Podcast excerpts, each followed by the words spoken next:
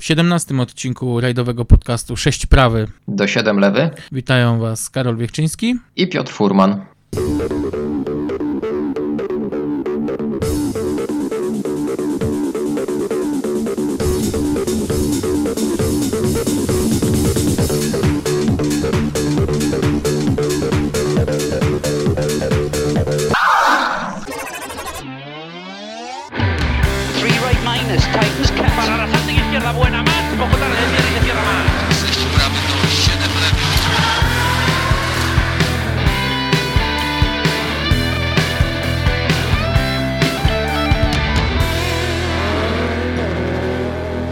Dzisiejszy odcinek nagrywamy dokładnie na półmetku rajdu Dakar. Nie wiemy kiedy on się dokładnie ukaże, ale postaramy się podsumować, e, co dotychczas e, działo się na saudyjskiej pustyni. E, a dzieje się dużo. Dzieje się dużo. Jesteś zaskoczony formą Audi? Mm, nie, myślę, że dzieje się dokładnie to, co e, przewidzieliśmy, czyli nasi faworyci e, rozdają karty, bo zarówno Nasser e, Al-Attiyah, jak i Sebastian Lep są w czołówce. Przypomnijmy, na, przy półmetku jesteśmy, w tym momencie mamy dzień odpoczynku i klasyfikacja wygląda tak, że prowadzi Nasser Al-Attiyah 40 bodaj 8 minut za nim jest Yazid Al-Radji, a trzeci plasuje się Sebastian Lep z Fabianem Lurkę. Nasz Kuba Przygoński zajmuje szóste miejsce. No może trochę poniżej oczekiwań, ale trochę narzekał na samochód, miał też jakieś przygody. To jest samochód, który w zeszłym roku wygrał Dakar.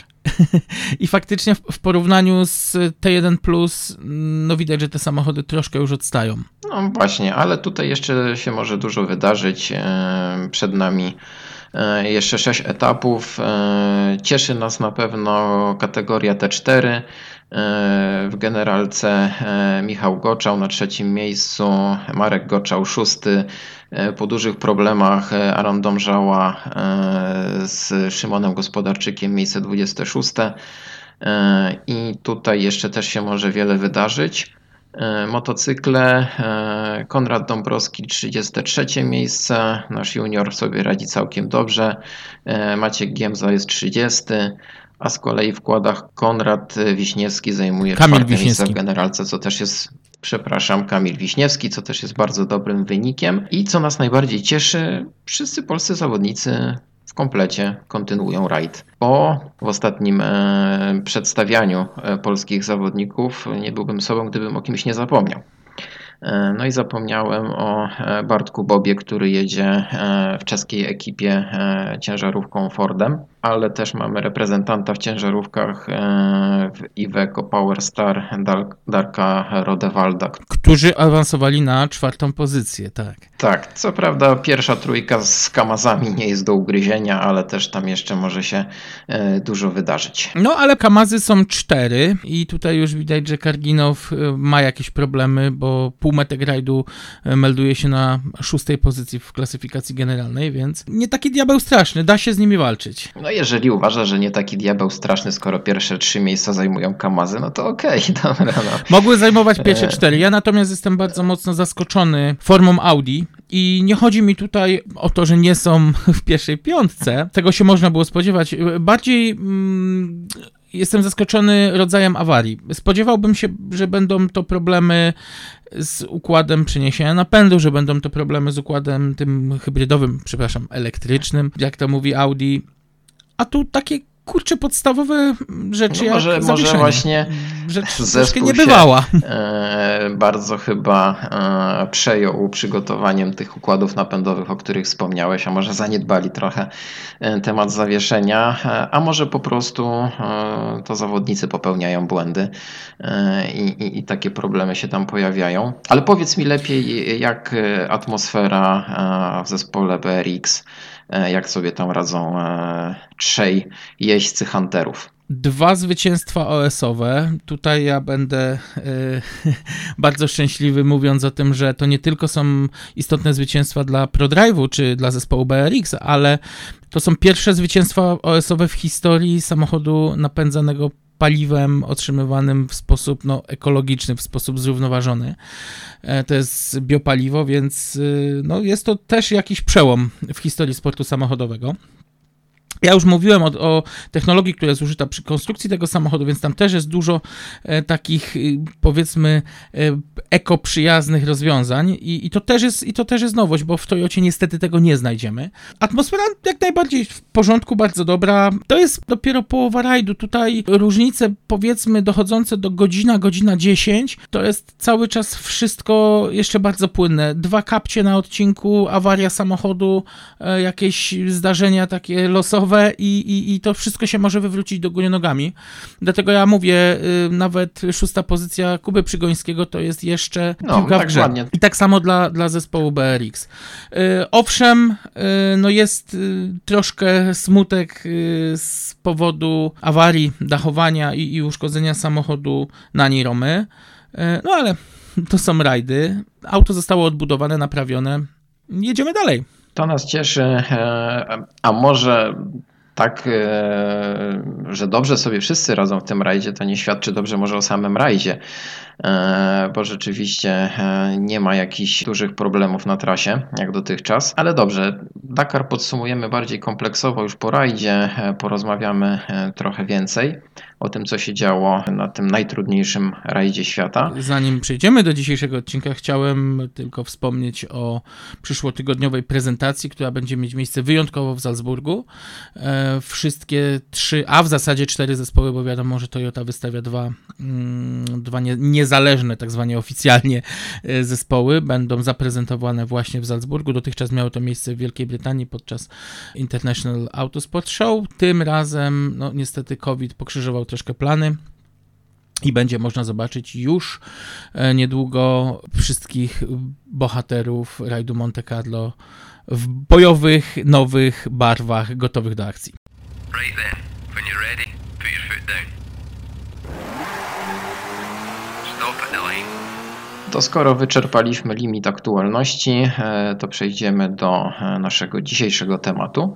A będzie to, myślę, duża niespodzianka e, dla Was, bo i nie ukrywam, że dla nas jest to duża niespodzianka, że zdecydowaliśmy się w ogóle na poruszanie takiego tematu, o którym porozmawiamy dzisiaj.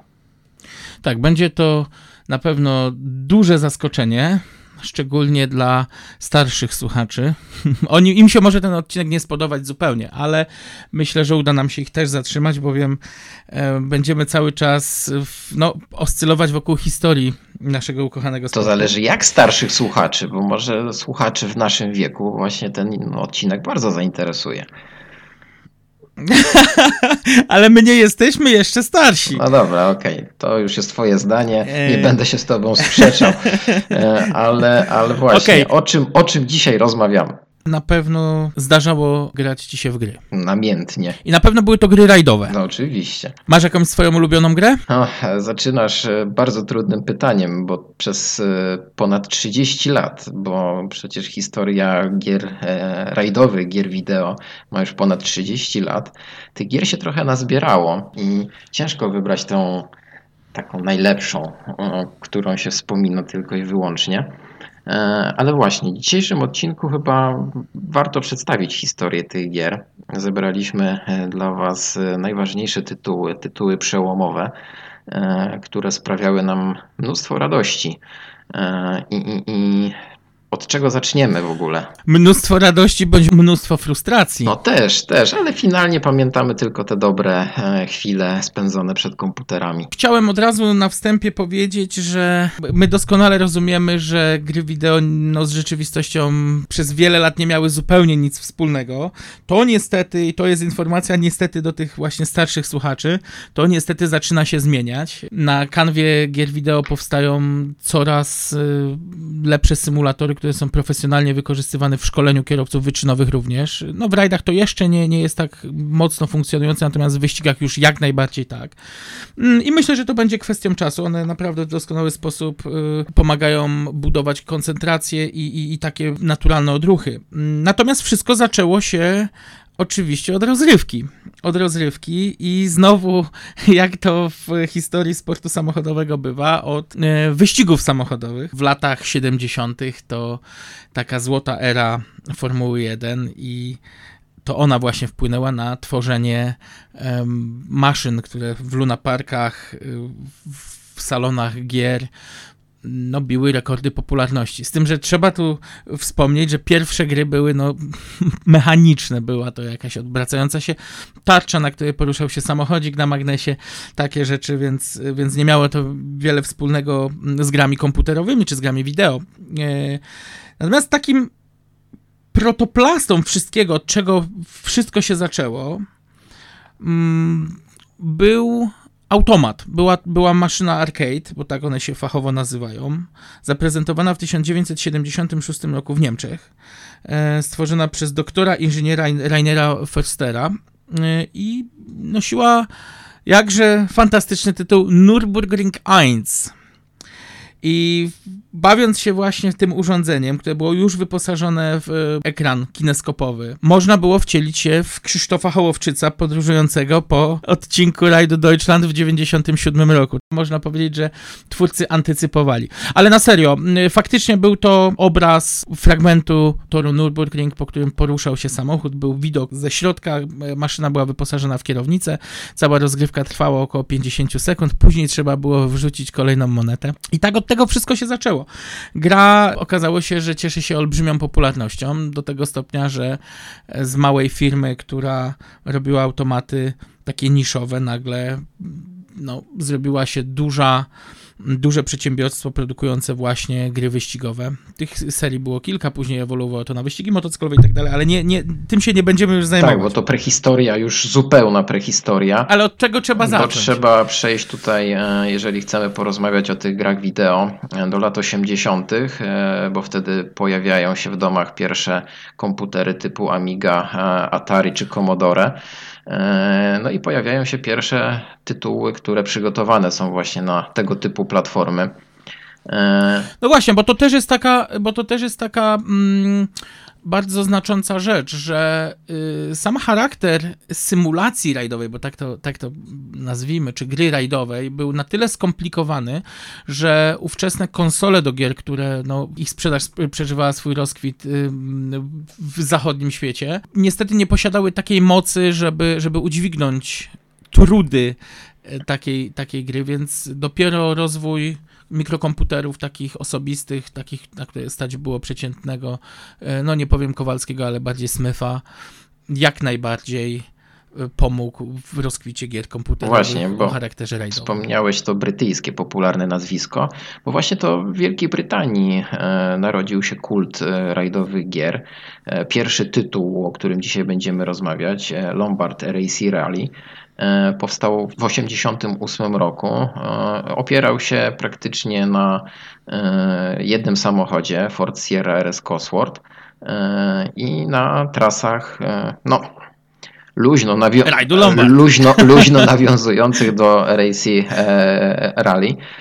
Ale właśnie, no tutaj pierwszy tytuł i no, taka dosyć duża niespodzianka jak dla mnie, bo ja zacząłem przeglądać jakieś screeny, jakieś e, replaye z tej gry i powiem ci, że jak na 88 rok to całkiem nieźle wyglądało. Ta gra pierwotnie miała nazywać się Speedrun i zupełnie nie nawiązywać do e, rajdowego zespołu Forda.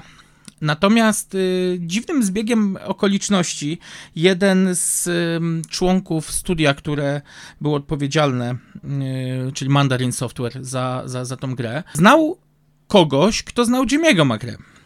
I takie luźne powiązanie i, i, i dotarcie do Jimmy'ego spowodowało, że zespół Red zaangażował się e, w powstanie tej gry, udostępniając e, no, schematy i, i, i rysunek samochodu. Pozwolili także um, zwymiarować tablicę rozdzielczą. No a Jimmy McRae um, firmował to wszystko swoim, swoim kaskiem, jak również, co było takie yy, znaczące to w grze, można było zarządzać tym samochodem, więc, więc dokupywać nowe części, yy, naprawiać go i, i powiedzmy, że tutaj też pomogli ludzie związani z zespołem Forda. Więc już od tego pierwszego uderzenia można powiedzieć, że było to takie, taki romans yy, świata rajdowego ze światem komputerów, ale bardzo udany. Bardzo udany. Z takich ciekawostek trzeba wspomnieć, że e, w grze mieliśmy widoczne ruchome wskazówki prędkościomierza i obrotomierza. Zawodnik siedzący po prawej stronie wykonywał ruch ręką i zmieniał bieg, co już było dosyć dużym nową. Pilot trzymał mapę z schematem trasy, po której widać było, gdzie znajdujemy się w danym momencie, co można, dzięki czemu można było przewidzieć kolejny zakręt. E, także wyglądało to całkiem, całkiem fajnie. E, ta gra myślę, że się mogła wtedy podobać i zatrzymać e, graczy na dłużej. Po dwa lata później pojawiła się bardzo podobnego typu gra Toyota Celica GT Rally, gdzie też mieliśmy tylko możliwość jazdy z wewnątrz, z ujęcia takiego właśnie i z widoku kierowcy. Na bardzo podobnej zasadzie, tylko tam mieliśmy właśnie Toyota Celikę, z kolei auto e, wizualnie nawiązywało do auta e, Davida e, Llewellina z tym słynnym... Tak, tam dużo digitalizowanych tak, zdjęć auta Llewellina tak, było nawet w samej grze widać. Ze słynnym sponsorem Securicor, była firma ochroniarska i to wszystko tam było doskonale widoczne.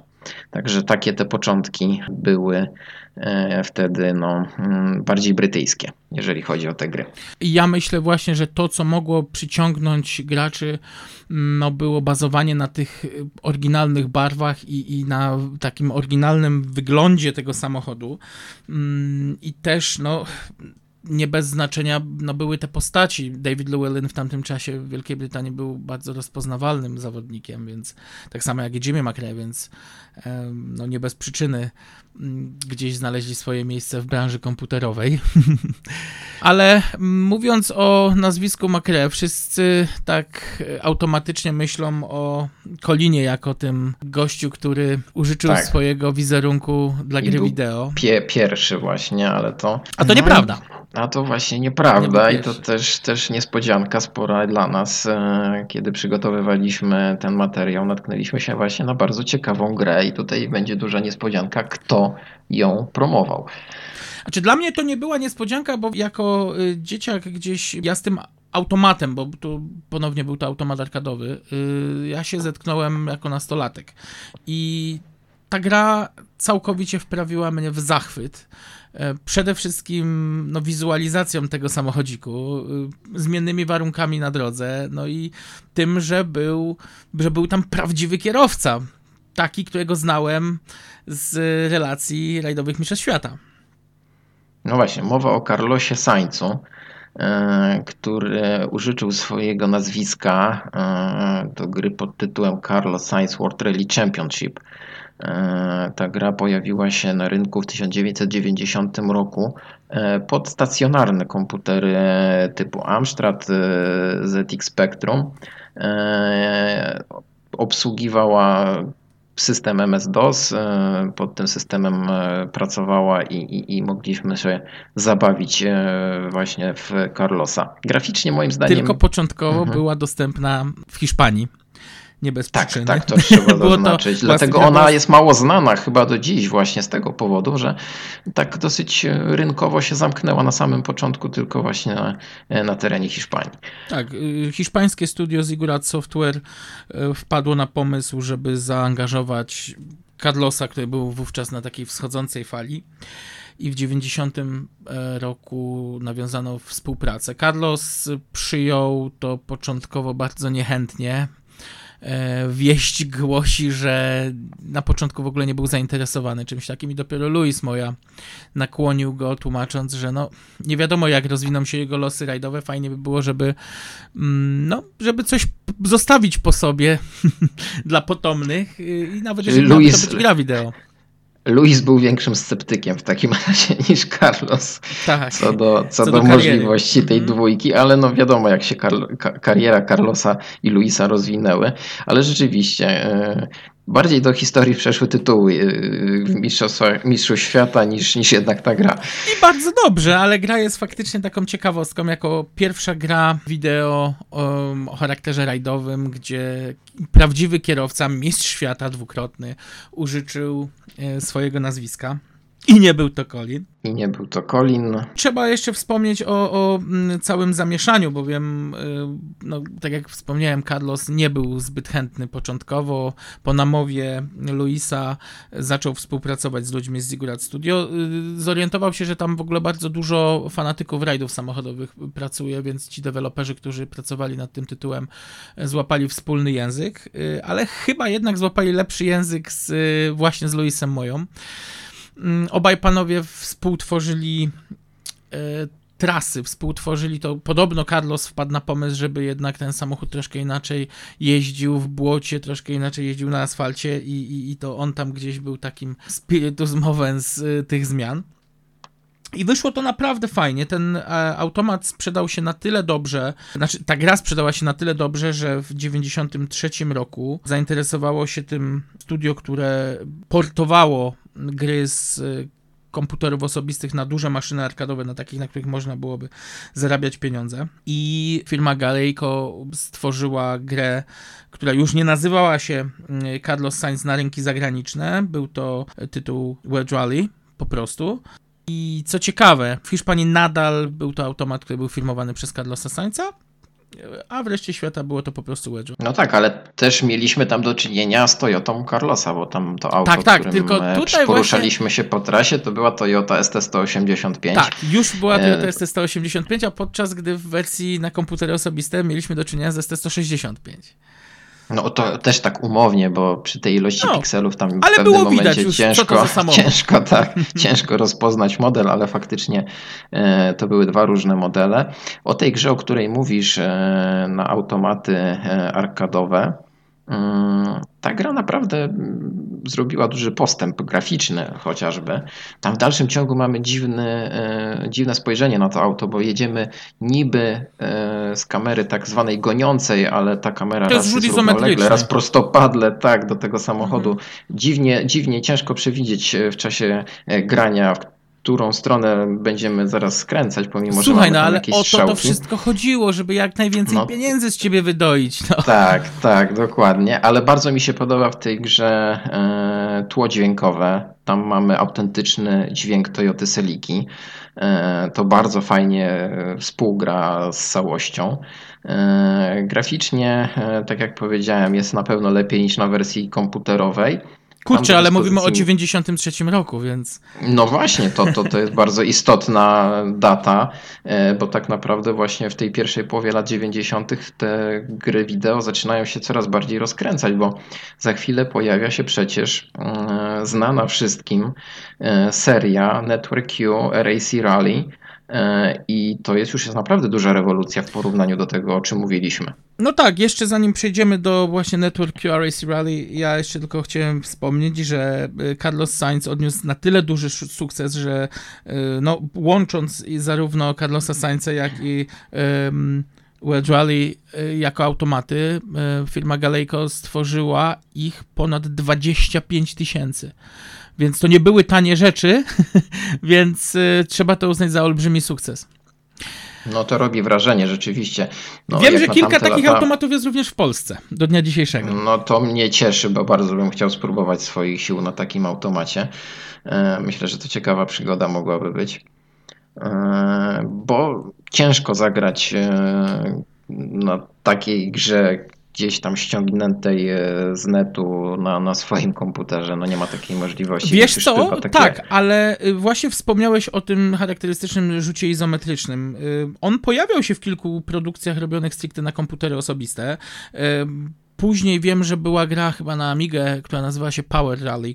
Tam jeszcze był motyw ekonomiczny, kupowały się lepsze samochody i, i e, w miarę rozwoju kariery mm, był jakiś progres. Y, ale właśnie rzut był dokładnie ten sam i to też miało swój, swój urok. To takie wyodrębnienie że gry rajdowe mogą być nie tylko tymi symulacyjnymi. No tak, ale to jak już wcześniej wspomniałem, wszystko się zmienia i to e, diametralnie od e, wydania tytułu e, Network Q RAC Rally. Tam mamy już taką realną kamerę goniącą, a także kamerę w środku. Oczywiście mówimy umownie tutaj o kamerach. Ale już się pojawiają takie gadżety jak pracujące wycieraczki przy padającym deszczu. No i mamy pierwsze dyktowanie trasy, nie za pomocą tylko i wyłącznie strzałek, ale już słyszymy głos pilota.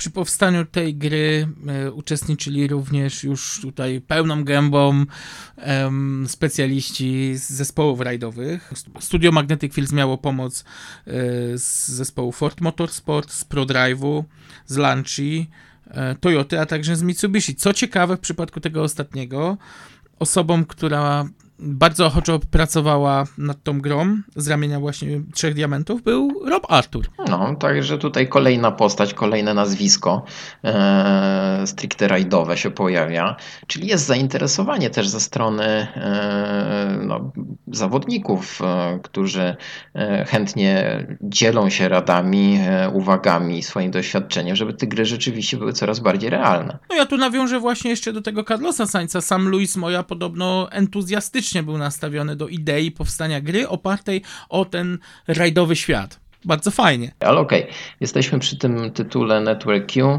Tutaj znowu mamy jazdę przede wszystkim po brytyjskich e, odcinkach specjalnych. Mm, no, ta grafika staje się coraz lepsza, e, chociaż jeszcze e, wiadomo, no, to co znamy teraz, to, to na pewno może mocno trącać myszką i, i, i wcale się nam nie podobać nawet, ale jest już jakaś pewna płynność nawet poruszania się tego samochodu na tym odcinku. E, jacyś ludzie pojawiają się przy odcinkach specjalnych. No, coraz ciekawiej się zaczyna dziać w wirtualnych rajdach.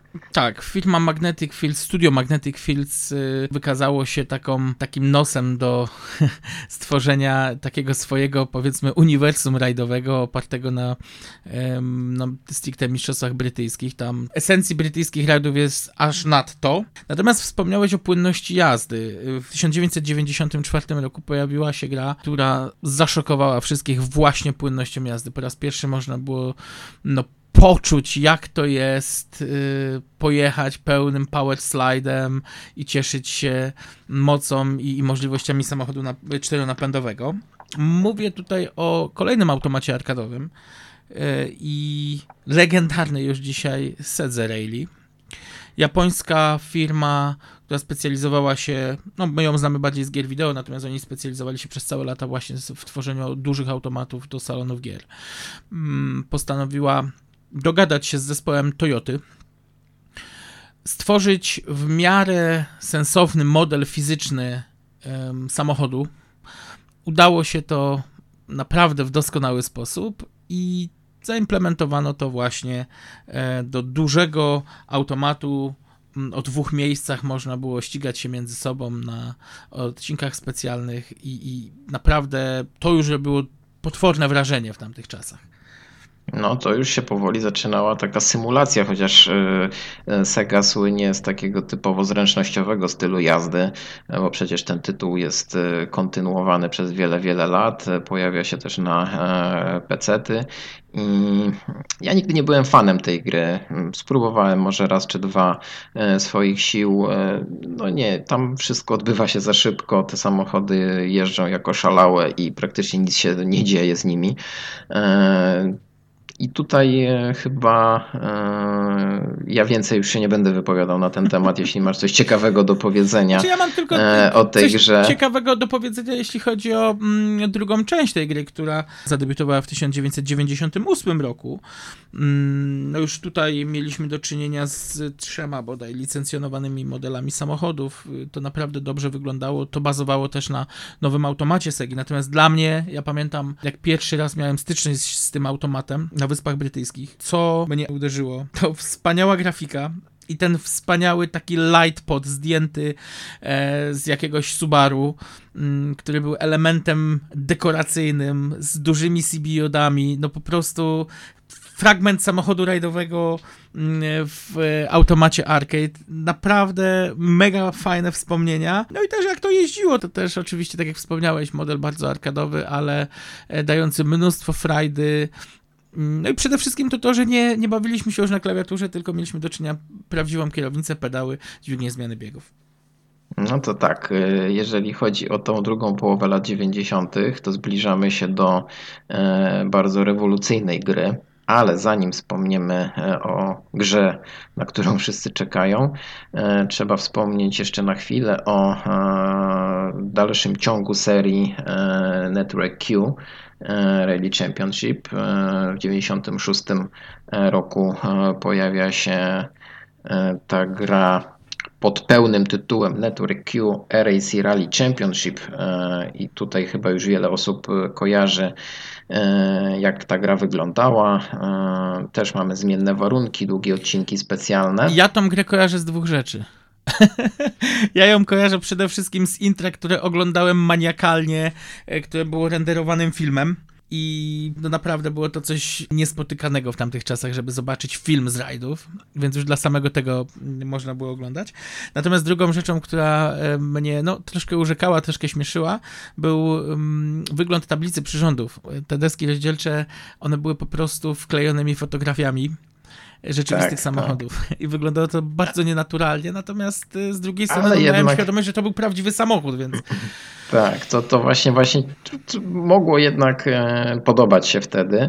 E, tam dużo takich metod zostało zastosowanych, między innymi w menu, bo samochód na rampie startowej wirtualny stoi na, na rampie startowej sfotografowanej na rajdzie i, i tam dużo takich jest ciekawostek tego typu. Ta gra jest bardzo popularna e, nie tylko w Wielkiej Brytanii i bardzo szybko e, doczekała się kontynuacji właśnie w postaci International Rally Championship. To I obydwa warty... tytuły ponownie były, o ile dobrze pamiętam, od Magnetic Fields, tak? Mm, tak, dokładnie tak. Magnetic Fields e, tam bardzo mocno się zaangażowało właśnie w tę serię. Czyli w prostej linii byli to ludzie powiązani z Mandarin Software, które wydało pierwszą grę Lombard RAC Rally. Tak, dlatego śmiało możemy powiedzieć, że Lombard Race Rally to była pierwsza z serii tych gier e, Network Q Rally Championship, potem e, Mobile One British Rally Championship, o której też za chwilę porozmawiamy, a także przecież e, gry Rally, Rally Championship Extreme, która pojawiła się w 2001 roku. Ale dobrze, International Rally Championship, gra, która się pojawiła w 1997 roku i pierwsza gra, w której mamy możliwość pojeżdżenia samochodami e, WRC. Tak, Ford Escort WRC w malowaniu Repsola i e, Subaru Impreza WRC. To tak utkwiło mi to w pamięci. No, sama gra powiedzmy mocno przeciętna.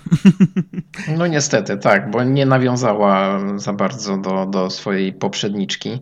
E, bardziej taka arkadowa, bardziej zręcznościowa. E, zrezygnowano z kamery wewnętrznej w tej grze. Szkoda, bo to dosyć e, też fajne urozmaicenie. Ale wiem, że tam inne rajdowe nazwisko w tej grze trochę potem wzięło udział. Tak jest. I kolejne zaskoczenie dla na pewno wielu słuchaczy. Ta gra stała się podstawą do stworzenia gry filmowanej przez Tomiego Makinena. Był to tytuł, który wyszedł jedynie na konsolę PlayStation 1. No, ale nie potrafił niestety wykorzystać możliwości, zawrotnych możliwości w tamtych czasach tego sprzętu i raczej przeszedł bez większego echa. Dzisiaj jest raczej mocną ciekawostką. Sam Tommy chyba do końca też nie jest zadowolony ze swojego występu. No, trzeba przyznać, że brzmi troszkę jakby chciało mu się spać. I'm Tommy McKinnon. That was tougher than I expected. Remember to break before you hit something.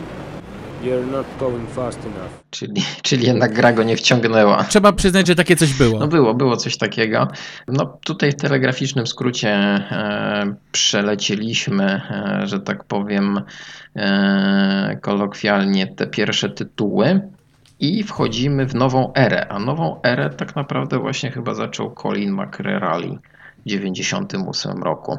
No tak, tylko jeszcze musisz pamiętać, że zanim pojawił się Colin McRae, to w 1997 roku pojawił się tytuł wydany przez firmę Infogrames, która notabene wiele lat później połączy się właśnie z wydawcą mm, serii Lombard RAC Network Q, czyli z Europressem, który wydawał produkty Magnetic Fields. I mówię tutaj o grze. V-Rayleigh, V-Rayleigh e, to jest tak, bardzo popularna seria, ale ja świadomie zacząłem, wiesz, od e, Colina, e, ponieważ tam potem doszło do pewnego konfliktu, jak dobrze wiesz. I ja bym jednak skupił się bardziej na pierwszym, pierwszym tym Kolinie. Okej, okay, skupimy się oczywiście na Kolinie. Ja natomiast celowo mm, właśnie powiedziałem o tym y, Viralis i 1997 roku z tego powodu, że była to gra, która no, miała być rewolucyjna i przez chwilę faktycznie była dość wysoko oceniana, no tylko właśnie później przyszedł Colin i zepsuł panom z Infogrames zabawę. No właśnie, Colin zepsuł i to e, skutecznie, bo odciągnął chyba większość graczy od innych e, gier e, na długie, długie lata. No bo ta pierwsza e, gra Colina z 98 roku, no to przecież jest e, początek wielkiej serii. E, czegoś rewolucyjnego w tak. świecie gier mistrzowie, mistrzowie kodu, brytyjska firma Codemasters, która, no oni się specjalizowali w grach wyścigowych, ale takich troszkę mniejszych, bo robili taką serię Micro Machines. W pewnym momencie wpadli na pomysł, że dlaczego mają nie zrobić prawdziwego symulatora samochodu rajdowego. Są do tego możliwości, jest do tego sprzęt. Y, moc ówczesnych konsol i komputerów już pozwalało na renderowanie grafiki w takiej rozdzielczości, żeby to miało ręce i nogi, no a przede wszystkim, żeby udźwignęły te maszyny mm, wymagania, które stawiał model fizyczny jazdy. Pozostawało tylko znaleźć kogoś, kto będzie zainteresowany mm, całą zabawą, żeby to filmować. No i ktoś szalony postanowił udać się do Szkocji, do Lanark, zapytać Colina McRae, czy nie byłby zainteresowany. A Colin zadzwonił do Nikiego Grista, no i tak się stało, że obydwoje panowie byli w tym po uszy, nie wiedząc kiedy. No ja się akurat nie dziwię, bo powiem ci szczerze, że oczywiście no, to nazwisko kojarzy się z grami, ale mam takie wrażenie, że, że Kolina długo nie trzeba było namawiać się do takiego przedsięwzięcia wtedy. E, ja powiem więcej. Colin Colinem. Oczywiście Colin był, no ja tu nie chcę użyć słowa dzieciakiem, który lubił wszelkiego rodzaju nowinki techniczne, Mm, dla mnie większym zaskoczeniem była postawa Nikiego Grista, który no, zabrał się do tego wszystkiego w sposób mega profesjonalny i podwinął rękawy niemalże jak przed zapoznaniem z trasą. I mówię to nie, nieprzypadkowo, bowiem cały proces tworzenia gry wyglądał w sposób taki, że Colin objeżdżał odcinki specjalne, te, które deweloperzy stworzyli testowo po czym aprobował te trasy, które mu się podobały, odrzucał te, które, z których nie był zadowolony i ten finalny materiał lądował u nikogo innego jak u Nikiego Grista. Niki zabierał y, deweloperską wersję konsoli do domu, rozkładał notes y, i robił zapoznanie z trasą. Najpierw przejeżdżał wir wirtualnie mm, trasę odcinka specjalnego, robił normalne notatki. Można jeszcze znaleźć zdjęcia i filmy właśnie z procesu developmentu tej gry. Jak Niki siedzi skupiony nad notatkami i normalnie z żargonu rajdowego spisuje każdy zakręt po zakręcie. Po czym dawał to Colinowi, żeby Colin sprawdził. Colin sprawdzał i wtedy Niki tą kopię już po sprawdzeniu przez Colina, jeżeli wszystko pasowało, Niki po prostu nagrywał ścieżkę audio do każdego profilu no zakrętu. Coś niesamowitego. na prawdziwym, realnym rajdzie. E, profesjonalna robota załogi, tak. E, bo trzeba też przypomnieć, że Colin McRae e, to pierwsza gra, w którym użyto realnego głosu prawdziwego pilota rajdowego. Nicky Grist, tak. podobnie w drugiej części, dyktował nam trasę. I dobrze właśnie, że zaczęliśmy tutaj od Colina, bo jeżeli chodzi o E, samo V-Rally i Infogrames e, z kolei, e, oni poszli troszeczkę w inną stronę, ponieważ tytuł i samą grę promowali poprzez rajdy. Poprzez Mistrzostwa Świata, bo przecież przypomnijmy, że rajd Korsyki był tytularnie sponsorowany właśnie przez V-Rally i Infogrames. E, I tam też doszło do ciekawej historii, bo oni wtedy promowali drugą część tej gry. No i tam e, doszło do konfliktu interesów na jednym samochodzie. Tak, bo o ile dobrze pamiętam, e, druga część gry była już po wydaniu. Tak, tak. W 1999 roku ona zadebiutowała. Dokładnie. I no, Virelli jako sponsor tytularny był na numerach startowych, na, na, górnej części naklejki z numerem startowym. No i niestety Colin odmówił naklejenia tej, tej reklamy, no bo firmował jedną grę swoim nazwiskiem, tutaj miałby firmować konkurencję, no i doszło tam do zgrzytu i nie wystartował wtedy z, z naklejkami No to trochę inaczej wyglądało, bo on pojechał jednak z tymi naklejkami, okay. ale w, w, tak, on wystartował e, końcu z e, V-Rally nad swoim numerem startowym, ale we wszystkich publikacjach prasowych e, na zdjęciach, które pojawiły się z tego rajdu, w przypadku Kolina ten napis, tytuł gry był zasłonięty. E, I, okay, i, tak sobie dobra. z tym poradzili właśnie e, do samego końca. E, gra moim zdaniem bardzo fajna, tak odbiegając od Kolina, ponieważ posiadała taką ciekawostkę jak edytor tras. Mówiąc o edytorze tras, tu było zupełnie inne podejście do samego designu tras niż w przypadku Kolina. Kolin miał, to wszystko było ograniczone, pamiętajmy, mówimy o 98-99 roku, więc to wszystko było bardzo mocno ograniczone pojemnością nośników. I w przypadku Kolina, o ile mm, ilość tras i, i, i, i jakość była ograniczona właśnie nośnikiem, y, to w przypadku Virelli wszystkie trasy były generowane na zasadzie linii geometrycznej, gdzie zapisanie jej no, nie, nie zajmowało wielu e, kilobajtów e, i do tego mm, algorytm dodawał po prostu otoczenie, więc można było tak naprawdę niezliczoną tak. liczbę tras, no może nie niezliczoną, ale dużą liczbę tras e, zapisać no, nawet na karcie pamięci czy na Dosyć duża sobie. dowolność w tworzeniu tych tras była, bo ja namiętnie z tego korzystałem, e, krótko grając e, w tę grę, e, ale rzeczywiście można było e, swoje wymarzone odcinki specjalne osadzać w Finlandii, w Argentynie i w wielu innych krajach. No, Gra miała coś w sobie ciekawego na pewno. Była na pewno e, konkurencją dla e, tytułu Colin McRae no ale no, popularnością jednak e, nie pokonała Colina słynnego. Colin też miał przecież dużo ciekawostek w 1998 roku. Mi bardzo się podobało menu w tej grze. Te wszystkie pliki dźwiękowe, które się znalazły w tle, kiedy naprawialiśmy samochód. Szkoła rajdowa przecież to też taka ciekawostka, e, którą prowadził sam Colin, e, zanim zaczęliśmy tak. karierę. I za kierownicą Skody tak. Felicji. Właśnie, ale o tej Felicji też jest ciekawostka i, to... i też historia, bo ten samochód e, funkcjonował w rzeczywistości.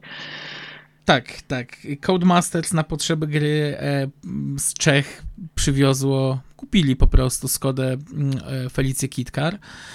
I plotka głosi, że pierwotnie mm, był plan wykorzystać Volkswagena Golfa Kitkara do tego mm, celu, natomiast y, Volkswagen Motorsport niezbyt chętnie był y, w stanie udostępnić takie auto. Więc y, podsunęli pomysł, żeby wypożyczyć auto w Czechach. No a Codemasters, no wiadomo, branża growa ma pieniążki, więc udali się do Czech, kupili Skodę, przywieźli ją do Wielkiej Brytanii i tutaj na miejscu właśnie był tworzony cały proces renderingu i, i, zbierania danych telemetrycznych z tego samochodu, tylko po to, żeby użyć go właśnie w tej rajdowej szkółce jazdy. Co ciekawe była to, um, bo wspomniałeś o nagrywanym głosie pilota, tak, Nicky Grist użyczył swojego głosu do czytania notatek, natomiast sam Colin McRae mm, dawał właśnie wskazówki podczas procesu nauki jazdy. Mm, sama kwestia nagrywania dźwięków do tej gry mm, to też dość złożona rzecz, bowiem gra nie powstałaby, gdyby nie pomoc ProDrive'u. ProDrive e, zaopiekował się ekipą Codemasters. E, wzięli ich na kilka e, imprez, gdzie mieli możliwość nagrywania samochodu, że tak powiem, w akcji na odcinku specjalnym. To jeszcze nie te czasy, kiedy faktycznie taki samochód lądował w studiu i na hamowni, mm, która była umieszczona niemalże w komorze bezechowej, zgrywało się dźwięki. Mm, więc było to robione wszystko w boju, w walce. Mm, kwestia właśnie wspomnianych odgłosów podczas strefy serwisowej, tak, to było na prawdziwej strefie serwisowej rajdu Wielkiej Brytanii nagrywane, więc y, jest w tym dużo takiego nieukrywanego realizmu i to mi się strasznie podobało w, w pierwszym Kolinie. Ja tylko ciekawy jestem, co się stało z tą Skodą później. No, miała bardzo duży wkład e, w powstanie tej gry. Przypomnijmy, podróżowaliśmy po trasach takich rajdów jak e, Monte Carlo, Indonezja, Nowa Zelandia, Korsyka chyba z tego co pamiętam jeszcze też była. Mm, no, mieliśmy do czynienia tam z częściową licencją, ponieważ mieliśmy samochody rajdowe w oryginalnych barwach, no ale nie mieliśmy e, nazwisk y, kierowców i rywali bezpośrednich Colina Macre z odcinków specjalnych. Z tymi licencjami to jest bardzo skomplikowana kwestia, bowiem E, w tamtym czasie mm, FIA udzielała licencji e, na praktycznie wszystko, to znaczy można było wykupić tylko licencję dotyczącą malowania samochodów, można było użyć licencji dotyczącej nazwisk zawodników, e, czy samych rajdów. No, można było też kupić licencję na cały cykl, natomiast to dopiero zaczęło tak naprawdę raczkować właśnie w tym okresie i podobno przyczyniła się właśnie do tego y, takiego handlu licencjami bardzo mocno popularność y, gry Colin McRae, bowiem wcześniej to nie było w żaden sposób ani usankcjonowane, ani no, nikt nie przywiązywał do tego po prostu większej wagi, bo ten sport nigdy nie był tak popularny jak Formuła 1, więc mm, może nie nigdy, ale, ale nie był tak popularny w tamtym czasie jak Formuła 1. No tak. Więc, no po prostu wszyscy mieli na to. No, ale to były dwie szkoły, e, jeżeli chodzi o promowanie e, swoich tytułów. E, Codemaster promował to nazwiskiem samego Colina Macre. Ja wrócę jeszcze tutaj na chwilę do Faurali i firmy Infogrames. Wspomnieliśmy już o rajdzie Korsyki 99. No właśnie, ale tam też się jeden kierowca przewinął. No tak, właśnie. W 1998 roku w barwach e, gry e, i, i, i, producenta tej gry e, w rajdzie w Finlandii wystartował Ari Vatanen. Jego Escort WRC był wymalowany w całości i, i widzieliśmy doskonale z czym mamy do czynienia, z jaką grą mamy do czynienia. Także tutaj akurat właśnie Francuzi poszli zupełnie inną stronę promowania swojego wyrobu. E, ale tu już powoli zbliżamy się e, do XXI wieku i coraz większej rewolucji w świecie gier wideo, gier rajdowych. No i w 1999 roku chyba pojawia się gra, która na długo zatrzymała wielu, wielu graczy. Mówię tutaj o Mobile One British Rally Championship. Jak ją wspominasz? Bo pewnie też e, skutecznie cię od Kolina odciągnęła. Tak, y, może nie modelem jazdy, no nie. bo ten model jazdy był dość mocno naciągany, natomiast dwie rzeczy, które były absolutnie fenomenalne. E, pierwsza rzecz to była, mm, to był mokry sen miłośników kitkarów to, co tam się działo, to ja do dzisiejszego dnia, patrząc się na Mikre Kitkar e, na jakichś imprezach lokalnych w Wielkiej Brytanii, to no, wywołuje to automatyczne wspomnienia właśnie z tą grą.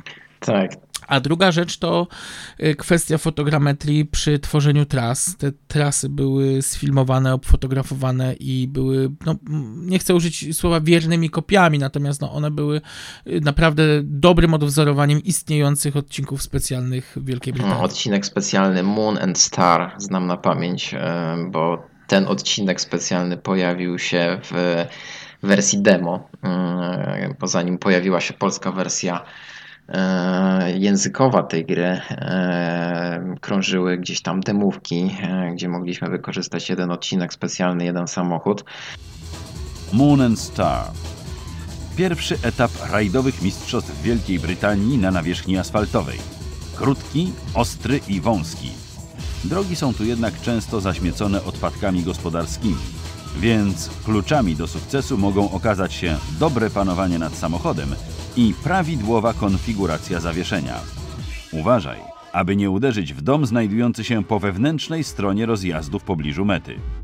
E, ale rzeczywiście ta gra była na skroś profesjonalna. Mm, ja wspominam naprawdę z przyjemnością czas spędzony przy komputerze i te długie odcinki specjalne, które się jeździło po ponad 20 minut, naprawdę był duży realizm, no bo tam przecież trzeba było uważać i, i obrać jakąś taktykę, bo wcześniejsze gry nie wymagały od gracza jakiegoś taktycznego założenia i mierzenia siły na zamiary. A tutaj właśnie musieliśmy naprawdę pojechać mądrze od samego początku, żeby w ogóle ukończyć rajd. Było naprawdę bardzo fajne, ale wspomniałeś o mm, kwestii lokalizacji tej gry, że była to pierwsza gra z pełną polską lokalizacją. Ja przyznam szczerze, że nawet nie wiedziałem. Pamiętasz, kto udzielał głosu w polskiej wersji No, językowej? polska wersja językowa była bardzo rozbudowana, bo mieliśmy do wyboru dwóch pilotów.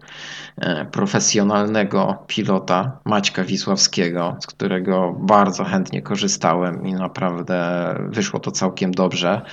E, I dla e, bardziej znudzonych męskim głosem mogliśmy sobie wybrać głos Martyny Wojciechowskiej.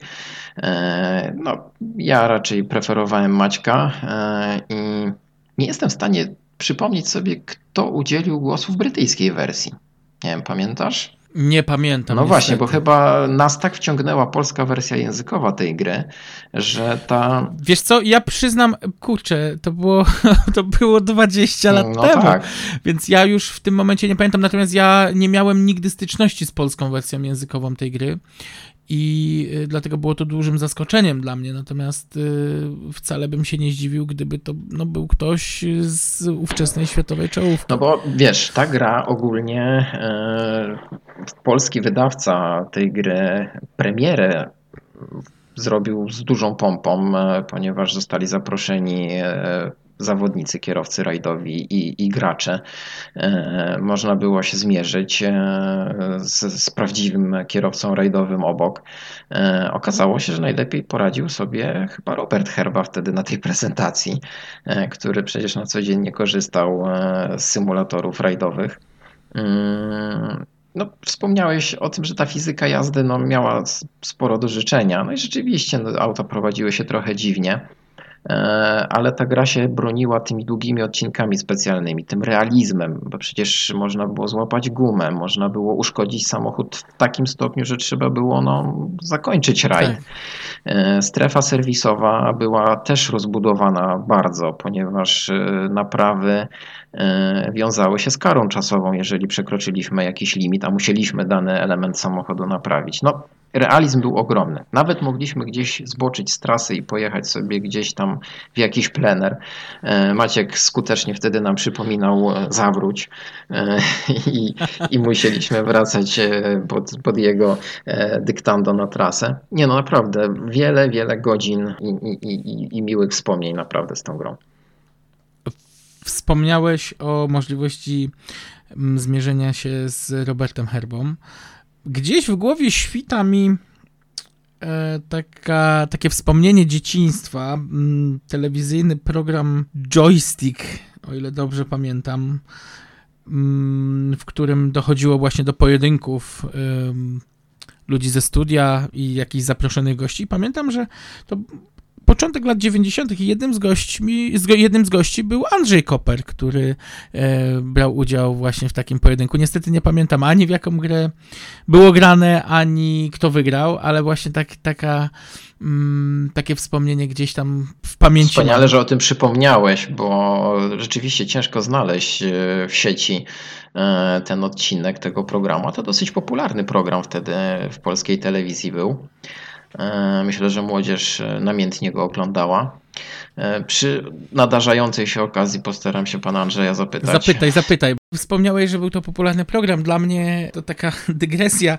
Absurdem była kwestia tego, że mikrokomputery w Polsce były wówczas tak popularne, a mało kto pamięta, że w komunistycznej Polsce było na nie embargo. Nie można było importować oficjalnie takich urządzeń, więc y, zawsze zastanawiam się, skąd ludzie to biorą.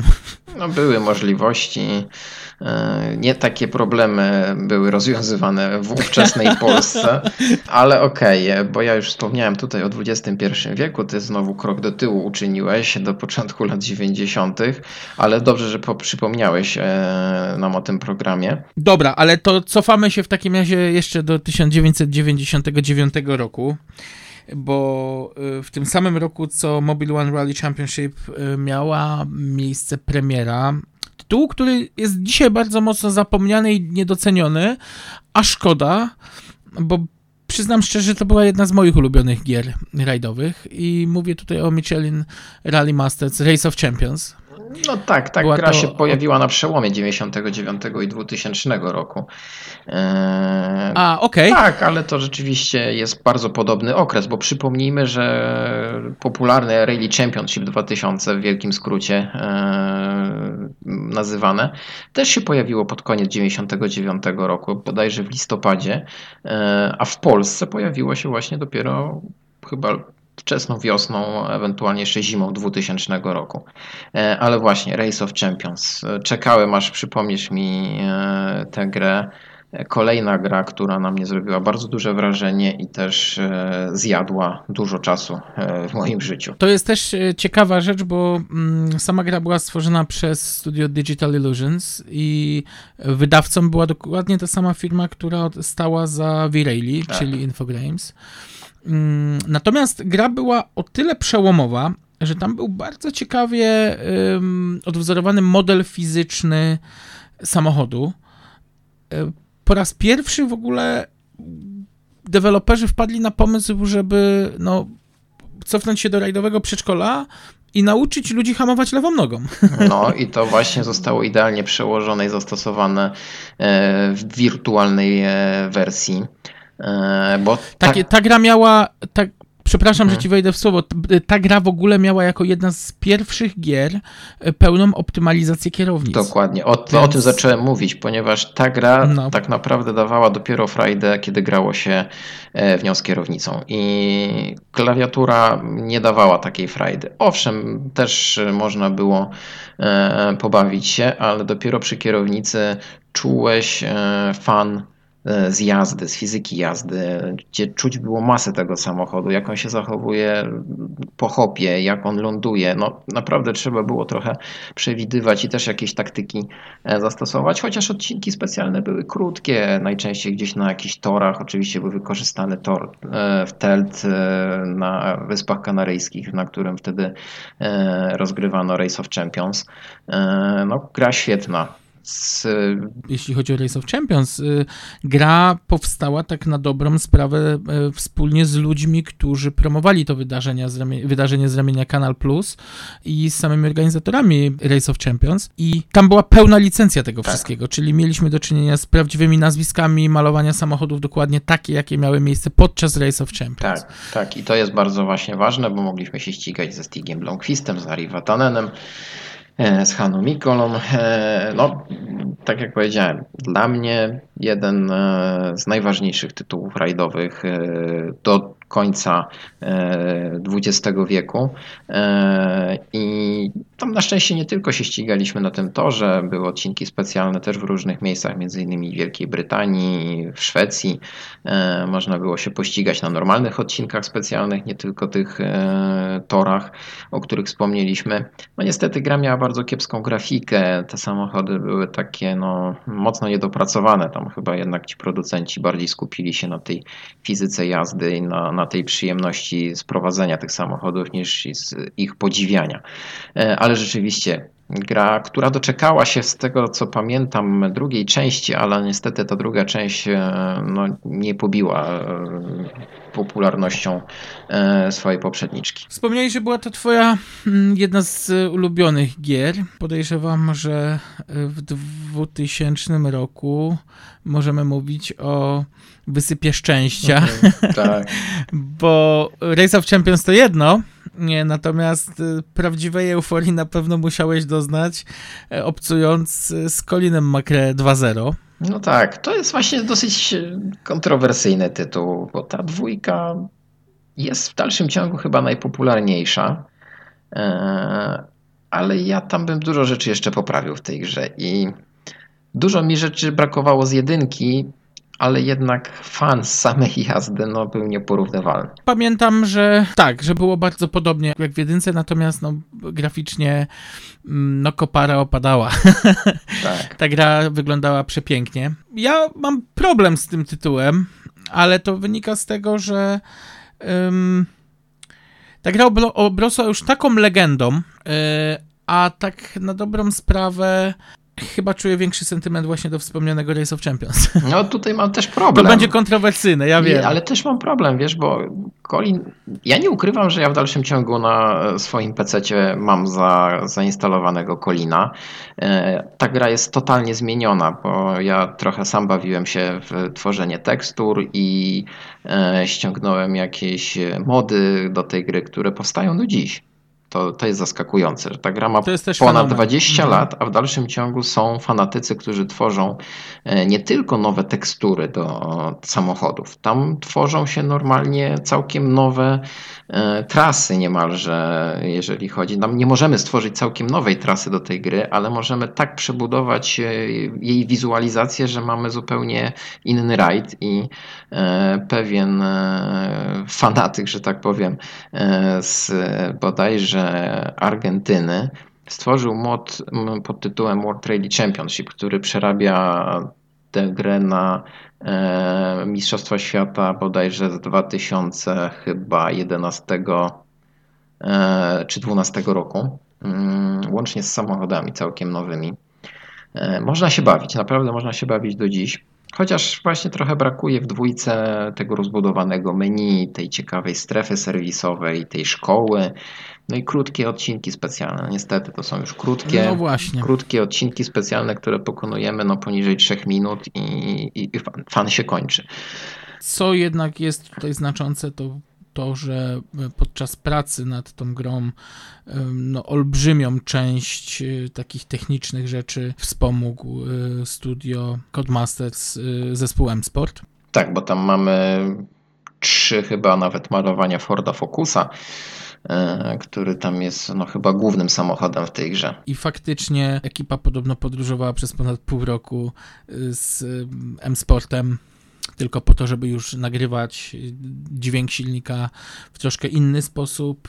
Y, oprócz tego gdzieś tam podobno były zbierane dane telemetryczne tych samochodów, że miały się e, jakieś, no, miały mieć mapy takiego zachowania, jakie niby prawdziwy samochód rajdowy. Jakoś ja do końca tego nie widzę, no ale okej. Okay. Mm, widać postęp, to na pewno. Natomiast tak jak powiedziałeś, no dużo, dużo kontrowersji. Tylko tak jak mówię, no też podchodzimy do tego, bo ta gra obrosła po prostu zwyczajnie legendą przez, e, przez te wszystkie mm, lata. Był to krok milowy, to nie oszukujmy się. Ja na pewno wolałem Colina Macre e, od Virelli, drugiej części. To tak, to, to tutaj bezsprzecznie chyba większość graczy jednak wybierze Colina, e, żeby nawet pograć teraz. Czy tak jak powiedziałem, w dalszym ciągu jest mnóstwo do pobrania w sieci samochodów, y, tekstur, przecież tam było mnóstwo tekstur polskich zawodników. Y, tak, tak. To do wyboru Janusza do koloru. Kuliga tak. można było, tak, Leszka Kuzaja to pamiętam właśnie. I te samochody naprawdę ładnie wyglądały wtedy. No, to, to do dziś mogą nie, nie, się no, podobać. tak jak do mówię. Dziś to... się mogą mhm, podobać, tak.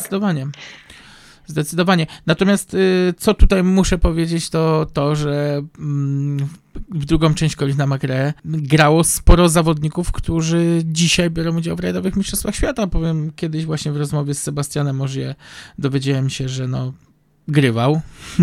Sebastian Leb też grywał. Więc może to jest właśnie ten klucz do sukcesu no, ale no przecież, Francuzów. Dużo grać. Przecież mamy przykład e, na naszym podwórku. E, miłośnikiem, miłośnikiem gier rajdowych był Leszek Kuzaj. E, bardzo lubił grać i według niego to bardzo rozwijało jego czas reakcji i lepiej czuł się potem w rajdówce. Ale przecież mamy Kubę Brzezińskiego, który nosi do dziś pseudonim No nie bez przyczyny Colin, nazywany jest Colinem. Tak, ponieważ e, tak. wygrał wiele turniejów e, w Colina, mówiąc e, najprościej.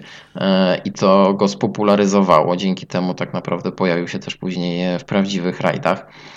Także te gry, no, zyskiwały coraz większe uznanie nie tylko wśród takich graczy, e, którzy wracali z odcinka specjalnego i z rajdu do domu, no i musieli gdzieś e, dać upust swoim emocjom, ale także bawili się chętnie w to sami zawodnicy i to, to chyba była najlepsza taka e, reklama dla tych gier. Colin McRae sam przy tworzeniu tych produkcji też musiał spędzić trochę czasu i Jimmy mówił kiedyś, że robił to z dużą radością i to nie tylko kwestii, pod kątem kwestii tworzenia, natomiast i samej zabawy, więc...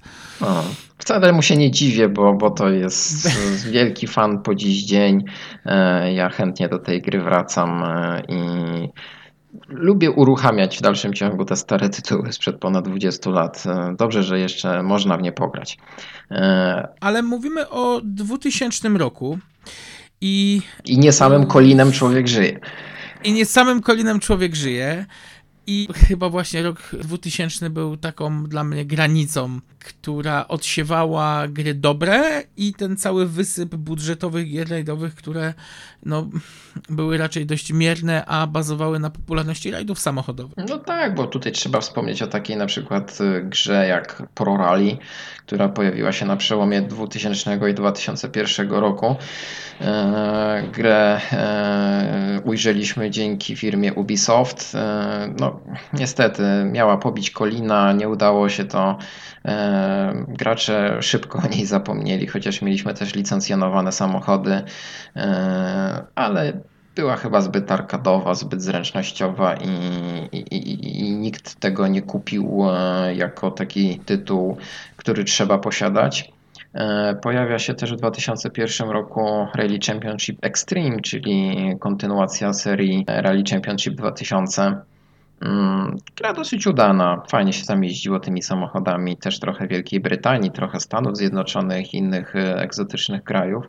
E, I była to chyba ostatnia produkcja tego studia, bo oni potem, tak mi się wydaje, że zwinęli skrzydła tak, i tam stwierdzili, już... że zostawiam pole lepszym. Tak, tam, tam e, też mieliśmy wersję polską, polską wersję językową, znowu mogliśmy usłyszeć Wiślaka bo przypomnę, że w Kolinie dwójce w polskiej wersji językowej słyszeliśmy Krzyśka Hołowczyca. No tak, Wiślak użyczył głos konkurencji, więc... Tak, ja wolałem jednak słuchać, wolałem słuchać jednak Nikiego Grista w Kolinie w dwójce, więc ta brytyjska wersja mi lepiej odpowiadała. Ciekawostką jest, że w niemieckiej wersji głosu użył Geisdorfer. O, no to też ciekawostka, bo o tym nie wiedziałem. E, ale kontynuując serię e, tych pierwszych gier, które pojawiły się na samym początku XXI wieku, ja jeszcze się zatrzymam przy tytule Rally Trophy wydaną przez firmę Bugbear i E, Joe Wood i to jest ciekawa gra, ponieważ to jest pierwsza gra, w której jeździmy tylko i wyłącznie historycznymi rajdówkami. Pierwsza i ostatnia, gdzie faktycznie skupiamy się na mm, tych historycznych rajdówkach, bo owszem, do dzisiejszego dnia pojawiają się historyczne samochody rajdowe, natomiast tam no, cała oś, że tak powiem, fabularna e, kręci się właśnie wokół tej historii. Gra niezwykle przygotowana pod kątem graficznym dla mnie przełom. O ile jadąc e, samochodem, e, za samochodem grając, e, czyli korzystając z tej kamery goniącej w kolinie, nie widzieliśmy, co się dzieje w środku, ponieważ te tekstury były trochę ograniczone. Tam widzimy każdy ruch pilota i kierowcy. Otoczenie, czy Alp, czy, czy gdzieś szutrów w Związku Radzieckim, czy, czy Finlandii, no jest nieprawdopodobne. No, graficznie gra przygotowana e, i dopracowana pod każdym możliwym kątem. No i ciekawe samochody. Tak, ciekawe samochody. Zaczynamy karierę od Mini Coopera poprzez e, Forda Cortinę, Lancia Fulvie. Kończymy na najmocniejszym samochodzie, czyli Lancia Stratos. E, na początku tam były dostępne auta w takich prywatnych barwach, dopiero po tym jak e, zdobywaliśmy e, sukces jako prywatni kierowcy, otwierały nam się auta w barwach fabrycznych i to, to, to też ciekawostka była, mm, ale bardzo gra też trudna, jeżeli chodzi o fizykę jazdy, bardzo wymagająca i to chyba myślę, że też ten tytuł nie spopularyzował się właśnie przez to, że wielu graczy rezygnowało bardzo szybko, bo te tylno-napędowe samochody były koszmarnie trudne do prowadzenia. Znaczy też pamiętajmy o tym, że duża część tytułów, które były mm, właśnie tak mocno zaawansowane y, pod kątem modelu jazdy, jednak były projektowane z myślą o użyciu kierownic. No a te 20 lat temu nie było to zbyt popularne akcesorium, więc to też sprawiało, że wielu graczy się odbijało od, no. od tego. Natomiast wspomniałeś temat y, właśnie malowań. I to jest y, rzecz, z którą no niestety producenci borykają się po dziś dzień. To jest troszkę na tej zasadzie, że każda produkcja growa no, musi przejść przez certyfikację PEGI, która kwalifikuje do jakiego wieku można mm, grę dopasować, do jakiego wieku gracza.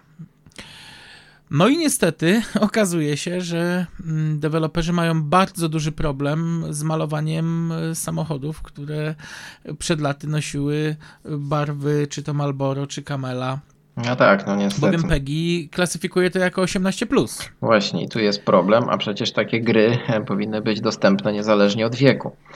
E, no i tu są pewne przekłamania się pojawiają właśnie w tych barwach tych samochodów. E, to się może e, purystom nie podobać, no ale no tutaj chyba innego wybiegu nie ma. A z drugiej strony prawda jest taka, że kupując licencję na grę, jednak deweloper chciałby to zrobić jak najbardziej wiernie. No właśnie, ale mówiąc o kwestii licencji, mm, to przypomnijmy, że studio Codemasters nigdy nie miało pełnej licencji to się ma zmienić w 2023 roku, ale nie zapeszajmy.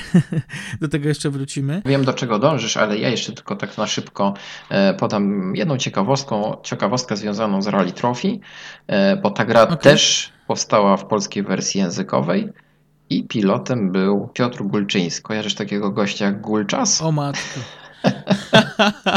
No akurat to chyba najbardziej nierajdowa tak. postać, jakiej można by się było spodziewać. Ale to jest przekomiczna sytuacja, ponieważ przecież bohater e, Big Brothera został pilotem e, w rajdowej grze, ale zdał egzamin, wiesz, bo tam jest mnóstwo takich e, dodatków poza wpisem zastosowanych przez pilota, które prostowały trochę kierowcę i no w niewybredny sposób pilot potrafił zwrócić uwagę, że jedziesz za wolno.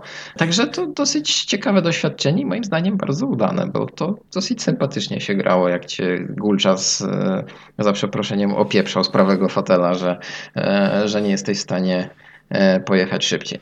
Ale dobra, tyle o Rally Trophy. Przechodzimy właśnie do Kolina, no bo przecież seria Kolin nie zakończyła się na drugiej części. Tak. Y, w 2000 2001 roku, o ile dobrze pamiętam, pojawił się Colin 3. Gra została no dość chłodno przyjęta w stosunku do drugiego Colina, mm, dokładnie. ale to dzięki dzięki uproszczonemu modelowi jazdy i trybowi mistrzostw, w którym gracz wcielał się w samego Colina McRae, miał za zadanie zaliczyć trzy sezony za kierownicą Focusa WRC. E, zdobywając tytuł Mistrza Świata. Natomiast e, ja przyznam szczerze, że tego tytułu nie znam aż tak dobrze, jak go widziałem, ale, ale nie miałem przyjemności w niego grać i jakoś, jakoś specjalnie dłużej. Natomiast wiem, że wiem, że została bardzo chłodno przyjęta i Codemasters dostał takim troszkę mm, wiadrem zimnej wody na głowę. No może to dobrze, ponieważ potem to wszystko poszło e, w dobrą stronę. Ja jeszcze tylko e, dołożę swoje e, trzy grosze i trzeba wspomnieć, że w 2001 roku też powstała kolejna seria, bardzo popularna, no, WRC E, zaczęła swoim logo sygnować serię gier e, na początku tylko i wyłącznie wydawanych na konsolę PlayStation. Ale to wynikało z tego, że y, był to pomysł firmy Sony, który chciał stworzyć takiego Colin Killera. Oni stwierdzili, że zrobią e, grę rajdową która, która będzie w każdym calu lepsza od Colina. No i przyznam szczerze, że poniekąd im się dużo rzeczy udało. Świetnym pomysłem była integracja całego menu i oprawy graficznej z relacjami telewizyjnymi. Tam była no, masa wstawek takich stricte telewizyjnych.